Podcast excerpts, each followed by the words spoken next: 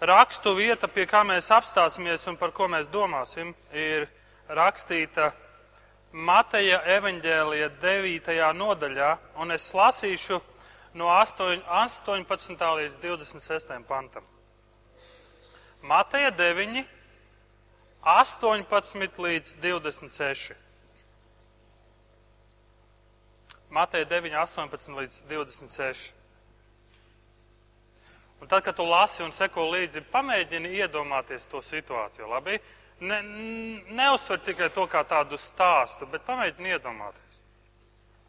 Jēzum ar viņiem vēl runājot, redzi, viens no vecā, viens vecākais nāca un nometās ceļos viņa priekšā un sacīja: Mana meita nu pat nomira, bet nāc, uzliec viņai savu roku un tā dzīvos. Jēzus piecēlēs sekoja tam kopā ar saviem mācekļiem. Un redzi, kāda sieviete, kas 12 gadus slimoja ar asiņošanu, pienāca no mugurpuses un pieskārās viņa drēbju malai. Viņa pie sevis sacīja, ja vien viņa drēbēm pieskaršos, es kļūšu vesela. Bet Jēzus pagriezies un viņu ieraudzījis, teica, esi droša meita, tava ticība tevi ir dziedinājusi un sieviete kļuva vesela tajā pašā brīdī.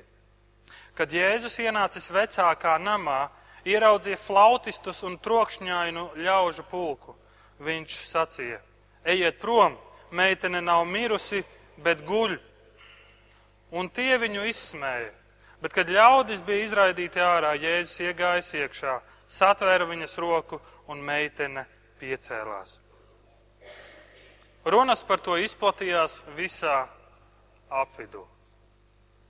Lūksim Dievu. Debes Tēvs, paldies par šo svētdienu, paldies par Tavu vārdu šodien. Un debes Tēvs, es ļoti lūdzu, ka Tu runā uz mums šodien. Ka mēs ieraugam lietas vēl skaidrāk, ka mēs Jēzu Tevi ieraugam skaidrāk. Palīdz mums būt godīgiem pret sevi un uh, savu dzīvi izvērtēt Un paldies, ka mēs esam šeit, lai domātu ne tikai par miesu, bet par savi, savām dvēselēm, par savām sirdīm. Tāpēc lūdzam, nāc un pārveido tās. Nāc un dod mums šo ticību, pēc kuras mēs tik ļoti ilgojamies. Jā, svētī šo vārdu. Āmen.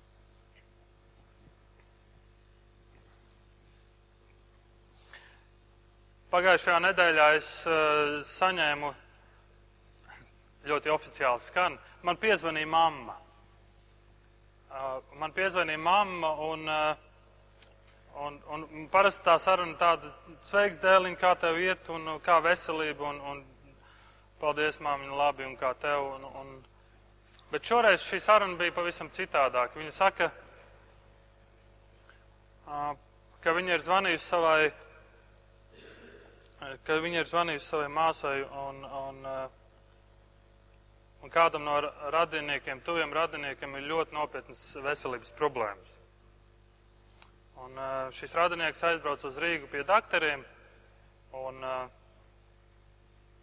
un tā kā viņš aizbrauca, doktori apskatījās viņa situāciju, aizsūta viņu atpakaļ mājās un teica, tur nav cerība. Un, uh, Un tas, ko doktori saka, ir, eh, tas ir īsts laiks, kas tev palicis dzīvot.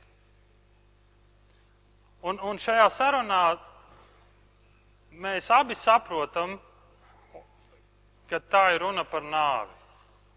Mēs saprotam, ka drīz mūsu tuvais radinieks mirs. Un iestājas tāds neveikls klusums. Un es negribu teikt to vārdu, ka viņš mirs, kad būs nāve, un arī mamma to negrib teikt. Bet mēs ļoti labi abi saprotam, ka, ka tā ir drīz nāve. Un, un tas liek domāt, tas liek domāt, uzdot daudz jautājumus, un, un, un tur ir asaras, un tur ir, un tur ir bēdas. Un, un tad es domāju, ka nāve ir tāda lieta, par ko mums ļoti nepatīk runāt, vai ne? Nāve ir lieta, par ko mēs. Uh, nelabprāt runājam. Cik bieži savā ikdienā tu runā par nāvi? Hei, sveiks, vai tu domā par nāvi? Bet nāves tēma šodien ir ļoti, ļoti populāra. Un, starp citu, es šorīt braucot uz baznīcu, nopirku Latvijas avīzi. Ziniet, kāpēc es to izdarīju? Lai izlasītu jums kaut ko par nāvi. Bet šodien ir svētdiena, un varbūt tāpēc, eh, tāpēc eh, neko avīzē es neizlasīju par nāvi. Bet vienīgais, ka ir pirmais uzraksts provokācija NATO deguna galā, kas norāda uz kaut kādām briesmām. Bet, ja tu ikdienā paņem avīzi, tad bieži vien, ko tu, ar ko tu sastopies, ir nāve, nāve, nāve, nāve. Nu labi, šodien tu teiksi, avīzes nav populāri. Es atveru telefonu, es atveru ziņas. Ko es šodien ziņās lasu? Pirmais uzraksts - Stihija Tbilisī. Vismaz cil, desmit cilvēki gājuši bojā no zoodārza izbēgt dzīvnieki. Ko es vēl lasu? Saistībā ar pazudušās meitenes slepkavību aiztur Lietuvas valsts piedarīgo. Ko es vēl lasu? Šaušalīgs negadījums aizēno pirmo Eiropas spēļu norisi. Tās ir ziņas, ko es atšķiru un ko es lasu. Nāve. Nāve ir tā lieta, kas man liekas ir tik, tik populāra šodien, ka mēs no tā, no tā nevaram izbēgt. Bet tāpat laikā mēs, man šķiet, mēs pie šī vārda nāve, upuru skaits esam tā pieraduši tāpat kā pie kaut kādiem miljardiem, vai ne? Cik bieži tu dzirdi miljardi tur, miljardi tur, miljons tur, pazaudēt tur, valsts to, vēl miljoni visur, un tu pierodi pie tā tā, it kā liekas, tam nav nekāda vērtība. Nu, divas nulītes klāt, vai ne? Un kas par to? Mēs savā ziņā esam pie tā pieraduši. Un ir kāds teiciens, ka ir divas lietas, no kā tu nevari izvairīties dzīvē - nodokļi un nāve. Vai ne? Esat dzirdējuši? Divas lietas, no kā tu neizvairīsies - nodokļi un nāve, bet šīs divas lietas ir tās, no kā mēs tik ļoti cenšamies izvairīties. Mēs cenšamies pēc iespējas mazāk maksāt nodokļus. Vai ne? Es negribu teikt, ka jūs mahinējaties, varbūt ne visi. Mēs taču esam šeit ļoti godīgi, pareizi. Un mēs cenšamies izvairīties no nāves. Kā mēs cenšamies to procesu pagarināt tā, lai tā nāve notiek kaut kad vēlāk. Vai ne? Un valsts nāk palīgā un tuvojas Jāņi, un tad ir plaša kampaņa par to brauc uzmanīgi, nebrauc dzērumā un to un to, tāpēc, ka valsts palīdz mums izvairīties no ātras un muļķīgas nāves. Varbūt viens no iemesliem tāpēc, lai nezaudētu nodokļu maksātāju naudu. Un redzi, atkal nodokļi un atkal, atkal nāve, vai ne, un šīs divas lietas kopā. Bet eh, šodien ne par nodokļiem. Ir ļoti liela atšķirība starp pasargāt no nāves un glābt no nāves. Mēs cenšamies sevi pasargāt, bet mēs, mēs nespējam sevi glābt. Un tā ir tā realitāte, ko mēs ik pa laikam atceramies. Mēs visi mirsim. Cik pozitīva ziņa svētdienas saulēnajā rītā, vai ne? Ja tu, ja tu neesi bijis un sekojis tam, kas notiek Vīlāns draudzē, tad mēs šodien ejam cauri sērijai, kas saucās Jēzus vara. Un mēs atrodamies Mateja evaņģēlijā, un Mateja evaņģēlijā autors Jēzu parāda kā ko? Kurš atcerās? Kā ķēniņu. Autors raksta vēstuli un viņš saka, lūk, ķēniņš nāk. Lūk, Jēzus ir īstais, vienīgais un patiesais ķēniņš. Un ir ļoti svarīgi, ka tu to neaso, lai tava asociācija ar ķēniņu nav tāpat kā ar prezidentu šodien. Mums nesen bija prezidenta vēlēšanas, vai ne? Un, un, un, un reizēm liekas, nu, ievēlēt prezidentu, ko tad viņš tādu izdarīs, vai ne? Ko tad viņš tādu mainīs? Visu lielo darbu darīs viņa padomnieki un prezidenta kancelē, vai ne? Un mums tāda asociācija, ka nu, šis valdnieks nu, nav spējīgs. Un neliksim vienādības zīmes starp to. Matejs saka, lūk, nāk ķēniņš, kuram ir vara pār, pār visu. Skan varbūt baigi gudri vai banāli. Bet mēs gājām cauri un redzējām, Jēzum ir vara pār miesu, viņam ir vara pār dabu, viņam ir vara pār ļauniem gariem, viņam ir vara pār daudzām lietām. Bet nu šodien mēs atrodamies kādā notikumā, kur mēs jau lasījām, un tas ir Mateja 9, 18 līdz 26. Kas tad šeit notiek? Un tie no jums, kuriem patīk ļoti iedziļināties rakstos, Tūlīt mēs to darīsim. Bet tie, kas no, no jums, kuriem varbūt tas ļoti nepatīk vai nevisai patīk, es lūdzu, esi pacietīgs un seko līdzi. Seko līdzi, jo tas ir svarīgi. Ko mēs šodien redzam šodienas notikumā? Jēzum notiek saruna ar, ar, ar farizējiem un Jāņa kristītājiem mācekļiem. Un Jēzus viņiem dod tādu kā lekciju par, par vīnu vīnu nelēja vecos traukos un, un, tā tālāk, un tā tālāk. Viņi dod tādu pamācību. Un kad šī nu, saruna notiek, pēkšņi ieskrien kāds vīrs un iztraucē visu šo sarunu, un viņš ne tikai ieskrien, viņš ieskrien un nokrīt ceļos Jēzus priekšā. 18. pants. Vīrs, kurš ir izmisuma pilns, un kas viņam dod šo izmisumu? Viņa meita ir mirusi.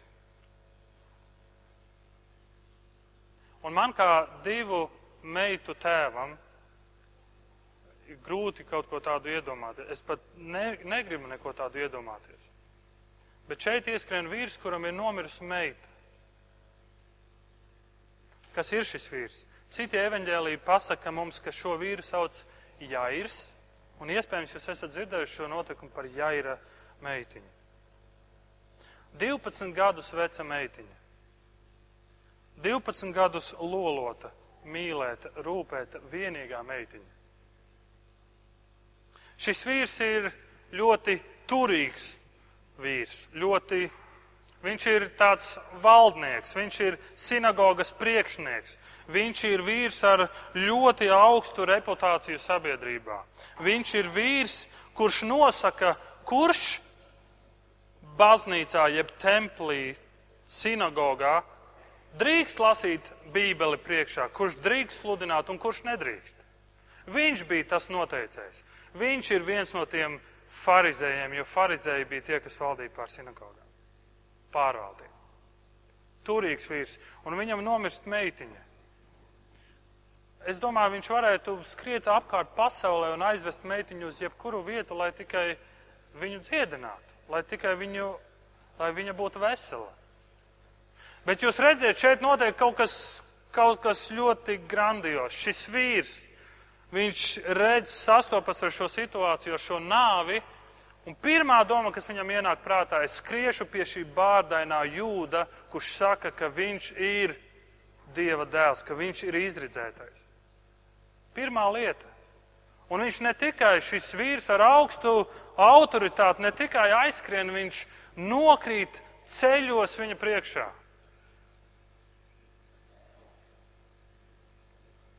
Lai mēs izprastu mazliet šo izmisumu, jūdu kultūrā ceļos krišana simbolizē kaut ko ļoti lielu. Ebreju valodā vecajā derībā šis darbības vārds ir barak krist ceļos. Un šis vārds ir cēlies no vārda berek, barak, berek, varbūt atcerēsieties. Un šis tulkojums ir celis.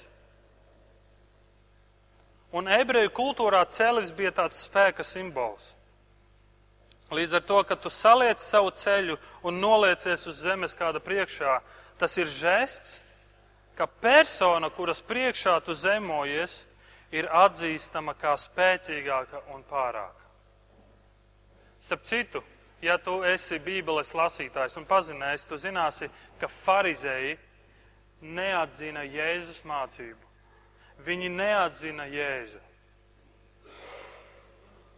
Bet šeit šis valdītājs atskrien un nokrīt Jēzus priekšā un saka, nāc, uzliec rokas, lai viņu dziedinātu. Iedomājieties, kāds, kāds, kāds izmisums. Jēzu, tu esi man vienīgā cerība. Kāda ticība, kāda pazemība. Kāda pazemība. Es atceros no viesītes laikiem. Viesīte ir maza pilsēta Latvijā. Un, uh, tur mācītājs teica kādu piemēru.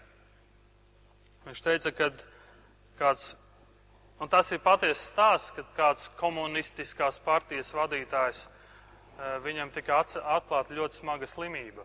Un viņš aiz, aiziet uz, pie doktora un viņš saka, doktori, Un, un doktors zina to slimības vēsturi, un viņš zina, kas tā ir par slimību. Viņš saka, ja tu mani izārstēsi, es tev nopirkšu Volgu.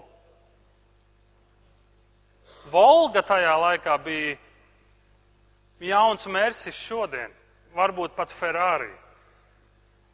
Es tev nopirkšu Volgu, ja tu mani izārstēsi. Un doktora atbilde ir, nopērc man kaut desmit, bet es neesmu Dievs, kurš tevi var izārstēt. Es to nevarēšu izdarīt. Pēc man kaut desmit volgas, es neesmu spējīgs to darīt. Un šeit cilvēks sastopas šīs realitātes, šīs nāves priekšā, viņš saprot, es miršu. Es miršu. Kad Jēzus sastop šo vīru, kurš nokrīt viņa priekšā, un viņš redz viņa ticību un viņa pazemību, ko Jēzus dara. Skatāmies, ko Jēzus dara. Jēzus piecēlies, sekoja tam kopā ar saviem mācekļiem. Jēzus iet. Viņš iet līdzi, viņš redz šī cilvēka vajadzību, viņš saka, jā, es iešu ar tevīm. Viņš iet. Un tur vesels pūlis ar viņu iet kopā. Jēzus iet, viņš atsaucas. Jēzus ir pieejams. Viņš atstāja to sarunu ar, viņš atstāja to sarunu ar tiem visiem mācekļiem, un viņš kopā iet, iet ar šo vīru. Un iedomājieties, šis vīrs, viņš iekšēji domā, ejam ātrāk, ejam ātrāk, mana meitiņa tik, tikko mirusi. Ejam ātrāk. Un viņi dodas.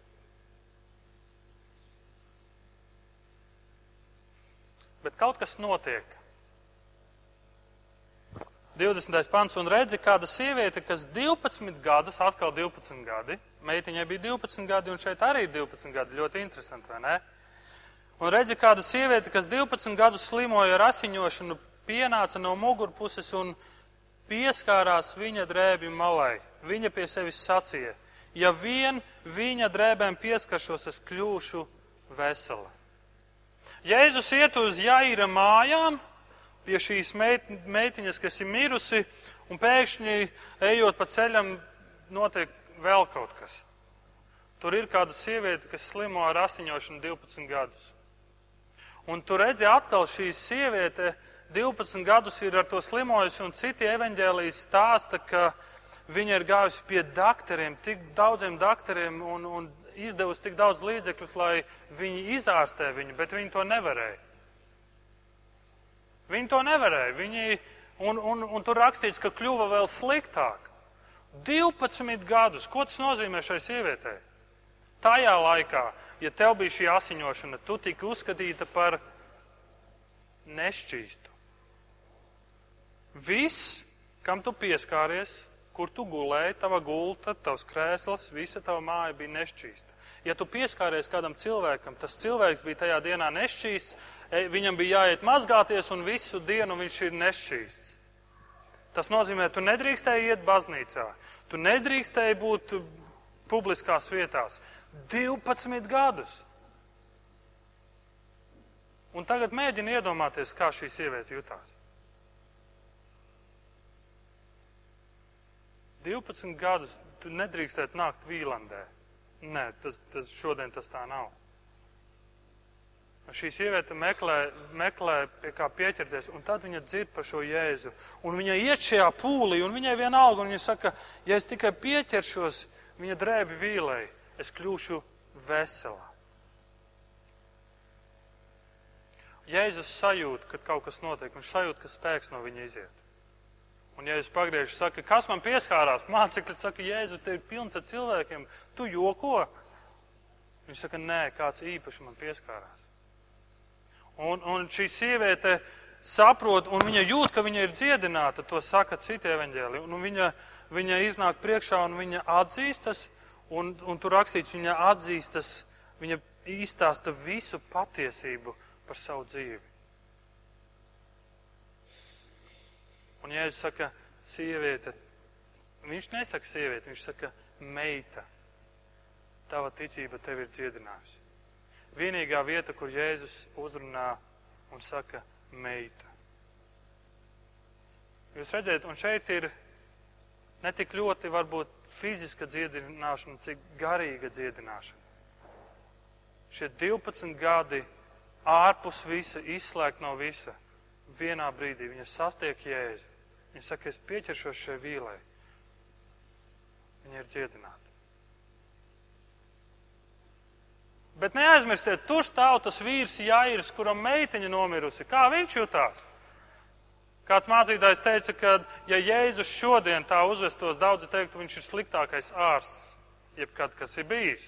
Jo ārsti kā dara? Pirmais skrien pie smagākiem pacientiem vai ne, un pēc tam tikai pie tam, tiem, kuriem kroniskas slimības. Vai ne? Slikts ārsts.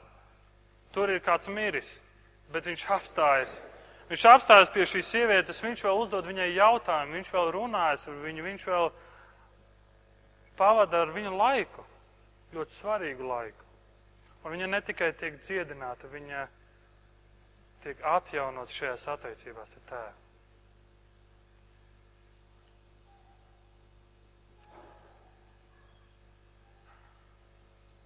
Jairs ir ļoti satraucies un viņš domā pie sevis, nu, ko tu kavējies, ej ātrāk. Kāpēc tu kavējies? Un tad, un tad nāk kāds pretī un saka, Jairam, netraucē vairāk Jēzu. Viņa ir, viņa ir mirusi. Nevajag viņu vairs traucēt, tu neko vairs nevari mainīt. Un Jēzus to dzird, un viņš pagriežas pret viņu, un, šā, un Jēzus vārdi ir tici. Tici. Uzticies. Uzticies. Jūs ziniet, ko nozīmē vārds jāirs? Vārds jāirs nozīme ir Dievs izgaismo. Dievs atklājas, Dievs izgaismo kaut ko. Un šobrīd, ja ir dzīvē Jēzus tā darīdams, kaut ko ļoti skaidri viņam izgaismo un grib kaut ko ļoti parādīt.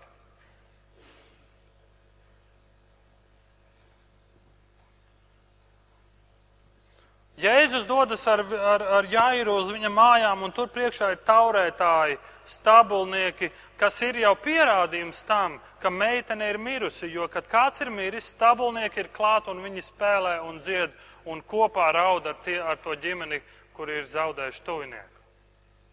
Un Jēzus saka, ejiet prom, viņa guļ Un tad tur rakstīts, viņi izsmēja Jēzu. Es domāju, kā tu vari raudāt un tāpat laikā izsmiet, vai ne? Kā tas iet kopā? Esi kādreiz ar to sastapies, ka kāds raud un pēkšņi tu pasaki kādu joku un pēkšņi smējas. Ha, baigais joks. Muļķis tu tāds, vai ne? Bet Jēzus saka, izdzeniet viņus visus ārā. Jēzus piesēžas pie gultas, paņem šīs meitenītes roku un saka, Talita kūmī. Talita kūmī. Ko viņš šeit dara? Viņš pienāk pie šīs meitenītes tādā veidā, kā mana sieva no rīta modina man, mūsu meitiņas. Ja pienāk piesēžas pie gultas un saka, meitiņa celies, ir rīts, laiks celties. Tādā pat veidā Jēzus pienāk pie šīs meitenītes un saka, meitiņa celies. Tad, kad tu apskaties uz šo notikumu, tev nešķiet, kas te notiek. kas ir šis cilvēks, šis Jēzus, par ko reliģijas un baznīcas sludina tik daudz. Kas ir šis cilvēks? Vai es viņu pazīstu? Kas ir tas veids, kā viņš to saka? Meitiņa celies, viņš paņem roku un meitenīt pie pamostas. Atcerieties notikumu par jūru, baigā jūras atceries, ko Jēzus mierā. Jūra mierā. Tev, tev tas neliek uzdot jautājumu, kas ir šis cilvēks? Visapkārt cilvēki, kad to viņi to redz, viņi uzdod to pašu jautājumu. Kas ir šis Jēzus? Kas viņš tāds ir? Un iedomājies, meitiņa pamostas un, un iedomājies to prieku mājās. Tās prieka asaras, to, to prieku, to tēva prieku un, un to mātes prieku. Iedomājies to prieku. Un tad Jairs tiek apgaismots. Ziniet, kādā veidā? Viņš ierauga, ka šis Jēzus, viņam ir vara pat pār nāvi. Nekad iepriekš Jēzus nevienu nepamodināja no nāves. Bet Jāirs skrēja tieši pie Jēzus un teica, viņa ir mirusi. Es saprastu, ja viņš skrietu, viņa ir slima, nāc izdziedini viņu. Bet nāc un pamodini viņu. Viņa ir mirusi.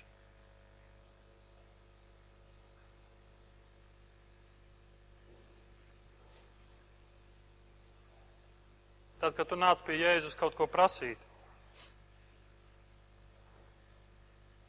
tad Jēzus no tevis prasīs daudz, daudz vairāk. Daudz vairāk pacietības, daudz vairāk ticības. Jairam tas prasīja tik daudz pacietības un tik daudz ticības. Bet tad, kad Jēzus nāk un atbild, viņš dod daudz, daudz vairāk, kā tu spēj iedomāties. Un ne tikai uzmodināt, bet Jaira dzīve un skats uz Jēzu pilnīgi mainās. Pilnīgi mainās.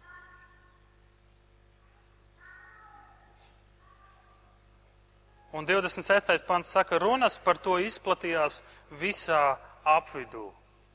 Un tādas labas ziņas nepaliks tajā mājā. Un Jēzus saka, nesakiet nevienam.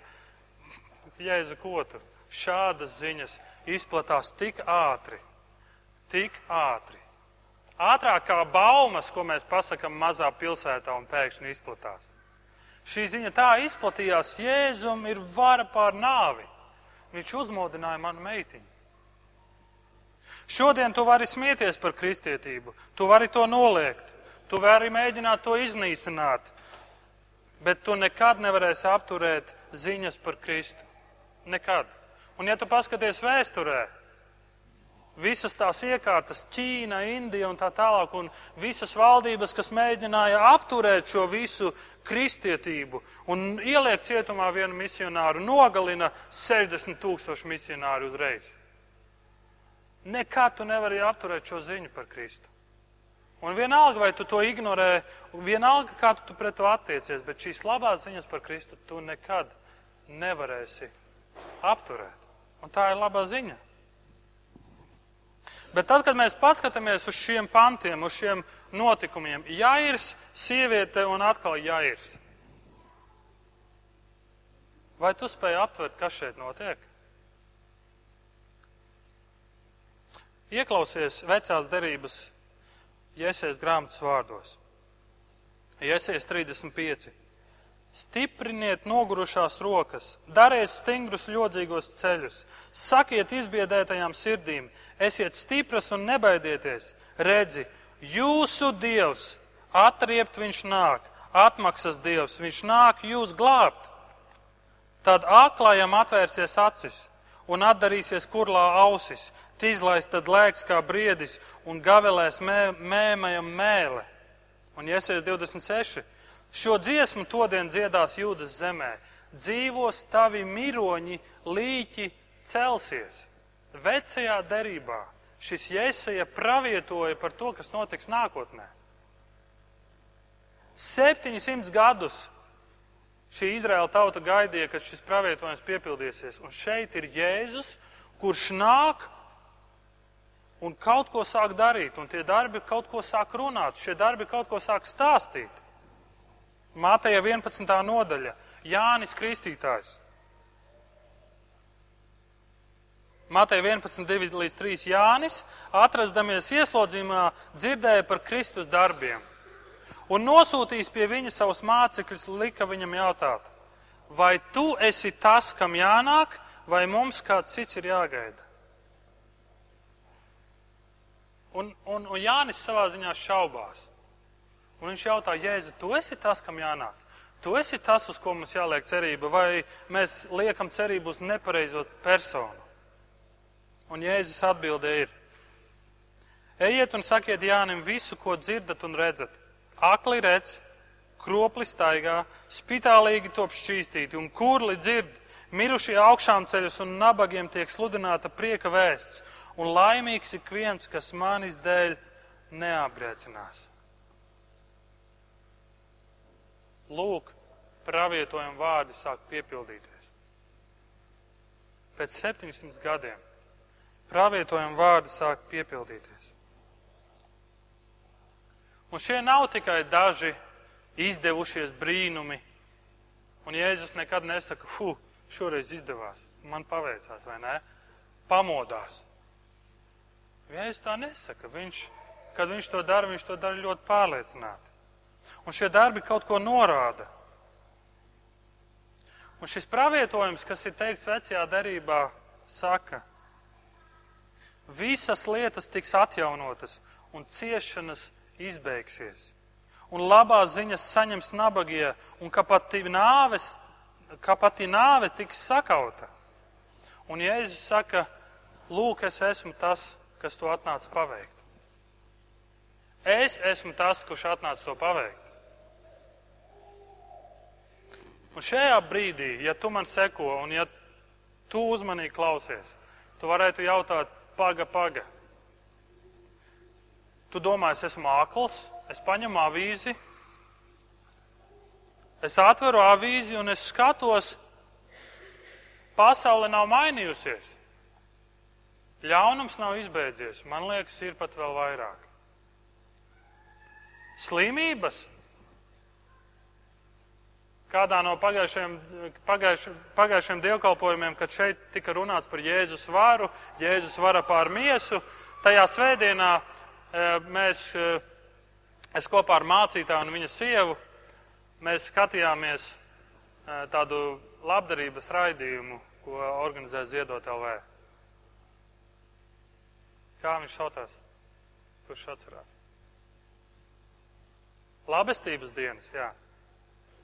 Mēs skatāmies televizorā, un, un tā ir tā svētdiena, un tur, redzi, un tur televizorā ir daudz bērniņu, kuriem ir, ir, ir daudz slimības. Un es pie sevis jautāju, mēs Vīlandē sludinājām par to, ka Jēzum ir vara pār slimībām. Un es televizorā redzu kaut ko citu. Un es redzu, slimības nav pazudušas. Nav. Ļaunums ir pa pilnam. Daži drosmīgie izvēlas nelasīt ziņas, nu īpaši sākot darba dienu, jo viņi negrib dzīvot ar to negatīvismu, jo tas viss ir tepat. Un, un cilvēki slimo, un cilvēki mirst, un pilnas slimnīcas, un skaties, kas notiek ārzemēs, un liekas, paga, par ko mēs te runājam? Skaisti tu te runā priekšā Raimondu, vai ne? Raimondu, Girtu un Markus. Bet ko tas maina? Ko tas maina? Vai tad Jēzus atnāca un trīs gadus nodemonstrēja ideālu kopšanu pār slimajiem, ideālu slimnīcu, kādai slimnīcai jāizskatās un viss, un tad aizbēga un pazuda? Vai Jēzus ir pietiekami spējīgs? Vai tiešām Jēzus ir atbildes šodien uz visiem maniem jautājumiem, atbild uz visiem pasaules jautājumiem?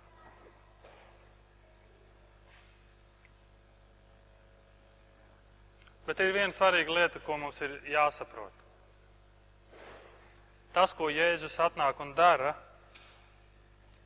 tie notikumi un tie, tie darbi, ko viņš dara, tas ir mazs fragments no tā, kas sekos. Jēzus atnāk uz šo pasauli un viņš saka, es nāku jums rādīt Dievu. Es nāku jums rādīt Dieva raksturu. Es nāku jums rādīt, kāds ir mans debes tēvs. Es nāku jums rādīt, kādas ir tās debesis, ko pravietis teica un kas notiks nākotnē. Un Jēzus saka, es jums parādu tādu pa mazu atslēgas šķirbiņu to, kas būs, to, kas sekos.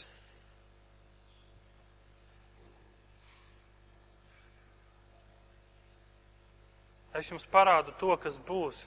Es jums parādu to, kas sekos. Tas nozīmē, šis pravietojums vecajā derībā joprojām ir spēkā, joprojām mēs gaidām to, kas būs. Vai jūs atceraties, ko Toms lasīja rīta lasījumā? Kurš atcerās? To viņš atcerās ļoti labi. Un uh, tur ir notikums, ka Jēzus jautā saviem mācekļiem jautājumu, ko cilvēks saka, kas es esmu? Ko cilvēks saka? Un, un kāds saka, tu esi Elija, tu esi pravietis, tu esi tas un tas un tas. Un tad Jēzus saka, bet ko jūs sakāt par mani?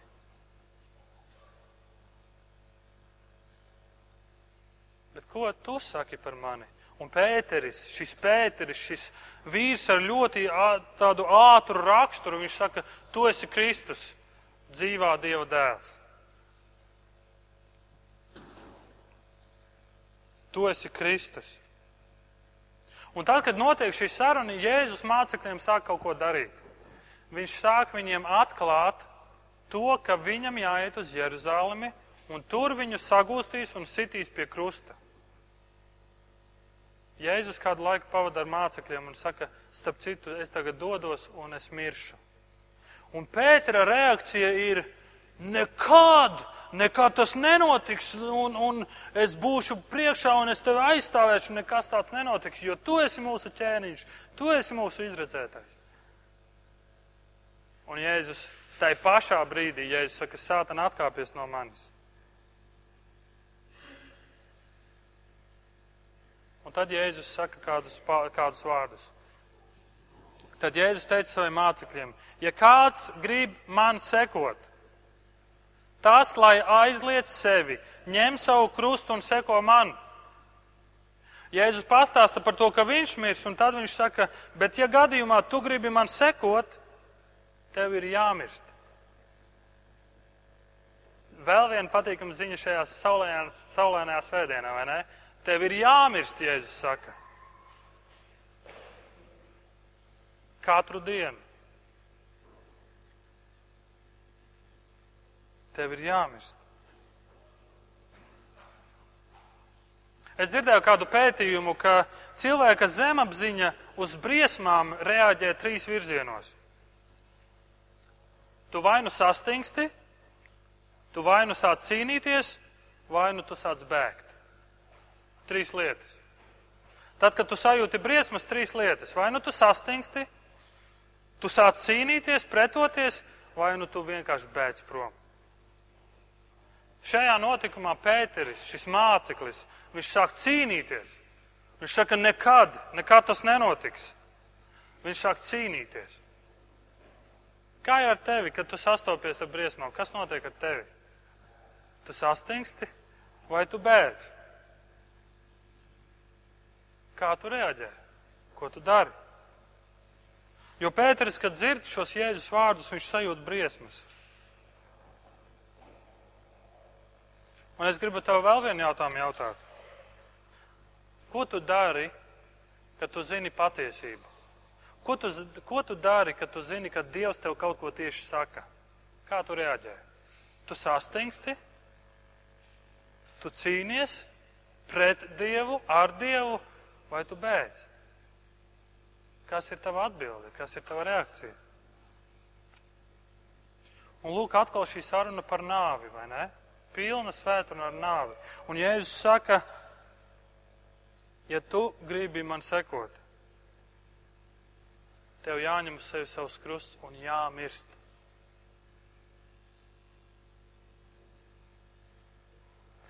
Un, un redzi, Un tā labā ziņa, ka Jēzus zina, kas ir nāves otrā pusē.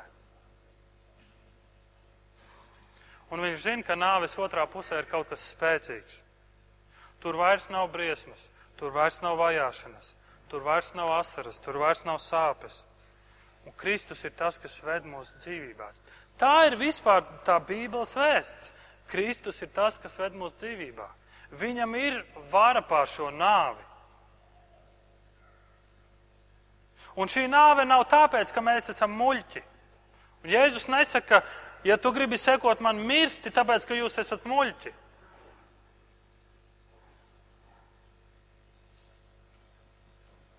Un šī nāve nav tāpēc, ka mēs esam padevušies, ka mēs esam vāji. Daudzi saka, ah, tu ej uz baznīcu, tu esi vājš, tu esi padevies. Padevies tam visam, kas tur baznīcā. Un tad tas lielais jautājums ir, kā man dzīvot šodienas pasaulē, kad apkārt ir tik daudz negatīvā un ļaunā? Apkārt cilvēki tenko, skauž, spļauda pa labi un pa kreisi sliktas ziņas. Kā dzīvot, kad apkārt ir tik daudz salauztas sirdis un dzīves? Kā dzīvot, kad esam apdraudēti no visām pusēm? Kā dzīvot šajā pasaulē, kad teroristu draudi palielinās? Kā dzīvot sabiedrībā, kas šķiet pūst no iekšpuses? Vārdarbība, alkoholisms, jauniešu pašnāvības un, un viss pārējais, ko es te neuzskaitu. Un šo pasauli padara tik bezcerīgu. Un jautājums, kā man dzīvot?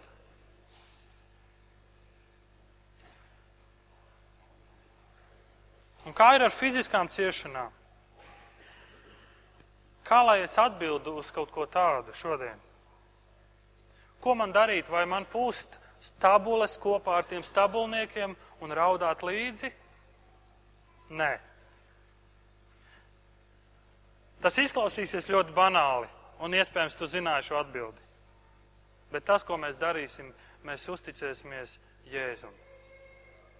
Mēs uzticās, uzticēsimies visam tam, ko viņš ir teicis.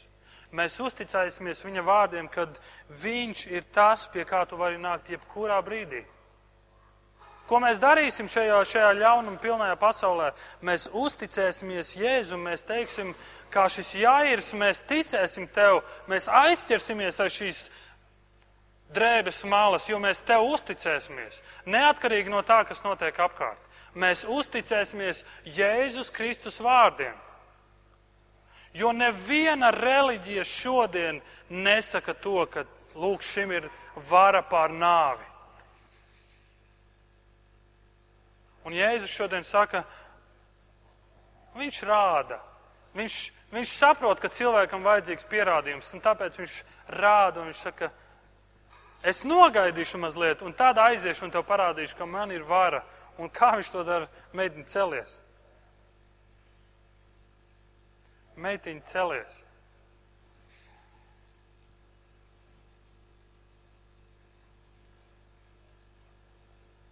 Turēšanās pie Jēzus rokas tāda gulēšana vien ir. Nāves šķiet tik tāda gulēšana. Un Jēzus saka, tici tam pravietojumam, kas teikts vecajā darībā. Tici tiem notikumiem, kas ir rakstīti, rakstīti jaunajā derībā. Tici tam, ko Jēzus ir darījis. Tici šai lielajai idejai par to, ka Dievs nāk, lai visu atjaunotu, un tas būs nākotnē, un īpaši tiem, kas uzticas. Tici šai lielajai bildei. Bet tāpat laikā, kad tu tici tai lielai bildei, uztici mazo bildīti Kristum savu dzīvi. Uztici visas mazās lietas, grūtības, ciešanas, bailes, slimības, bēdas, un uztici viņam pašu svarīgāko savu mūžību. Uztici viņam to. Ja tu vēlēsies sekot Jēzum Kristum, tev ir jānomirst sev, jāizliet sevi. Un ļauj man noslēgt ar nomiršanas sev dažiem ieteikumiem. Daži ieteikumi. Tu nevari mirt bez miršanas. Tu nevari mirt bez miršanas. Tas ir sāpīgs process. Vēl viens ieteikums - nevelc to garumā, jo miršana tas ir kaut kas sāpīgs. Dari to ātri. Jo, ja tu vilksi garāk, jo sāpīgāk tas būs. Nenovērtē pārāk zemu to, ko pazaudēsi mirstot. Tu pazaudēsi vairāk nekā tu domā. Bet nenovērtē pārāk zemu to, ko tu iegūsi. Un vienalga, ko tu pazaudēsi, tu tik un tā iegūsi vairāk, un tā ir dzīvība. Tu vari zaudēt reputāciju vai darba vietu, un tā var būt tava miršana. Ko tu darīsi? Cīnīsies, bēgsi vai sastingsi? Vai tomēr savu zemapziņu mēģināsi tā pārprogrammēt, ka tu teiksi, es uzticēšos Kristum? Ka tu vari teikt, es būšu bīstams mironis. Es būšu bīstams mirušais cilvēks, kurš mirst katru dienu.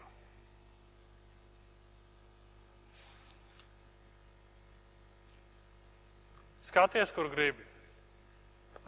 Tu vari ignorēt, tu vari novērsties, tu vari meklēt citur. Bet šī realitāte, nāve, mēs ar to visu sastapsimies. Mēs cenšamies izvairīties, bet ir kāds, kurš no tā var glābt. Un tas ir Jēzus. Jo viņam ir, viņam ir vara pār to visu. Lai Dievs palīdz, ka mums eh, palīdz man, lai Dievs palīdz mums ikvienam, ka mēs ne tikai ar prātu to tā mēģinam saprast, bet ka mēs savā sirdīs ielūkojamies un varam uzdot kādus svarīgus jautājumus. Šeit mūzikai skanot, jums priekšā būs divi jautājumi. Un es gribu, ka mēs minūti vai divas minūtes varam veltīt vienkārši izlasot šos jautājumus un uzdot sev šos jautājumus. Uzdot sev šos jautājumus, ko, ko tas nozīmē manā dzīvē. Kāpēc es uzticos Jēzum? Vai es uzticos? Lūksim Dievu! Debes Tēvs, es eh, pateicos par eh, šo dienu, es pateicos par Tavu vārdu. Un, ja es pateicos par to, kā Tu rādi, ka Tev ir vara pār visu. Mīļais Jēzu, es ļoti lūdzu, ka palīdz, ka mēs noticam ne tikai savā prātā, un ka mēs nemēģinam sev kaut ko iestāstīt, bet ka mēs tiešām ticam ka mēs meklējam, ja mēs uzreiz nesaprotam, ka mēs neapstājamies un nākam pie tevis un sakam, es gribu saprast, es gribu noticēt, es gribu tam ticēt. Palīdz man, Jēzus, un, un palīdz mums būt godīgiem pret sevi un pret tevi. Jēzus, tavā vārdā to lūdzam. Āmen.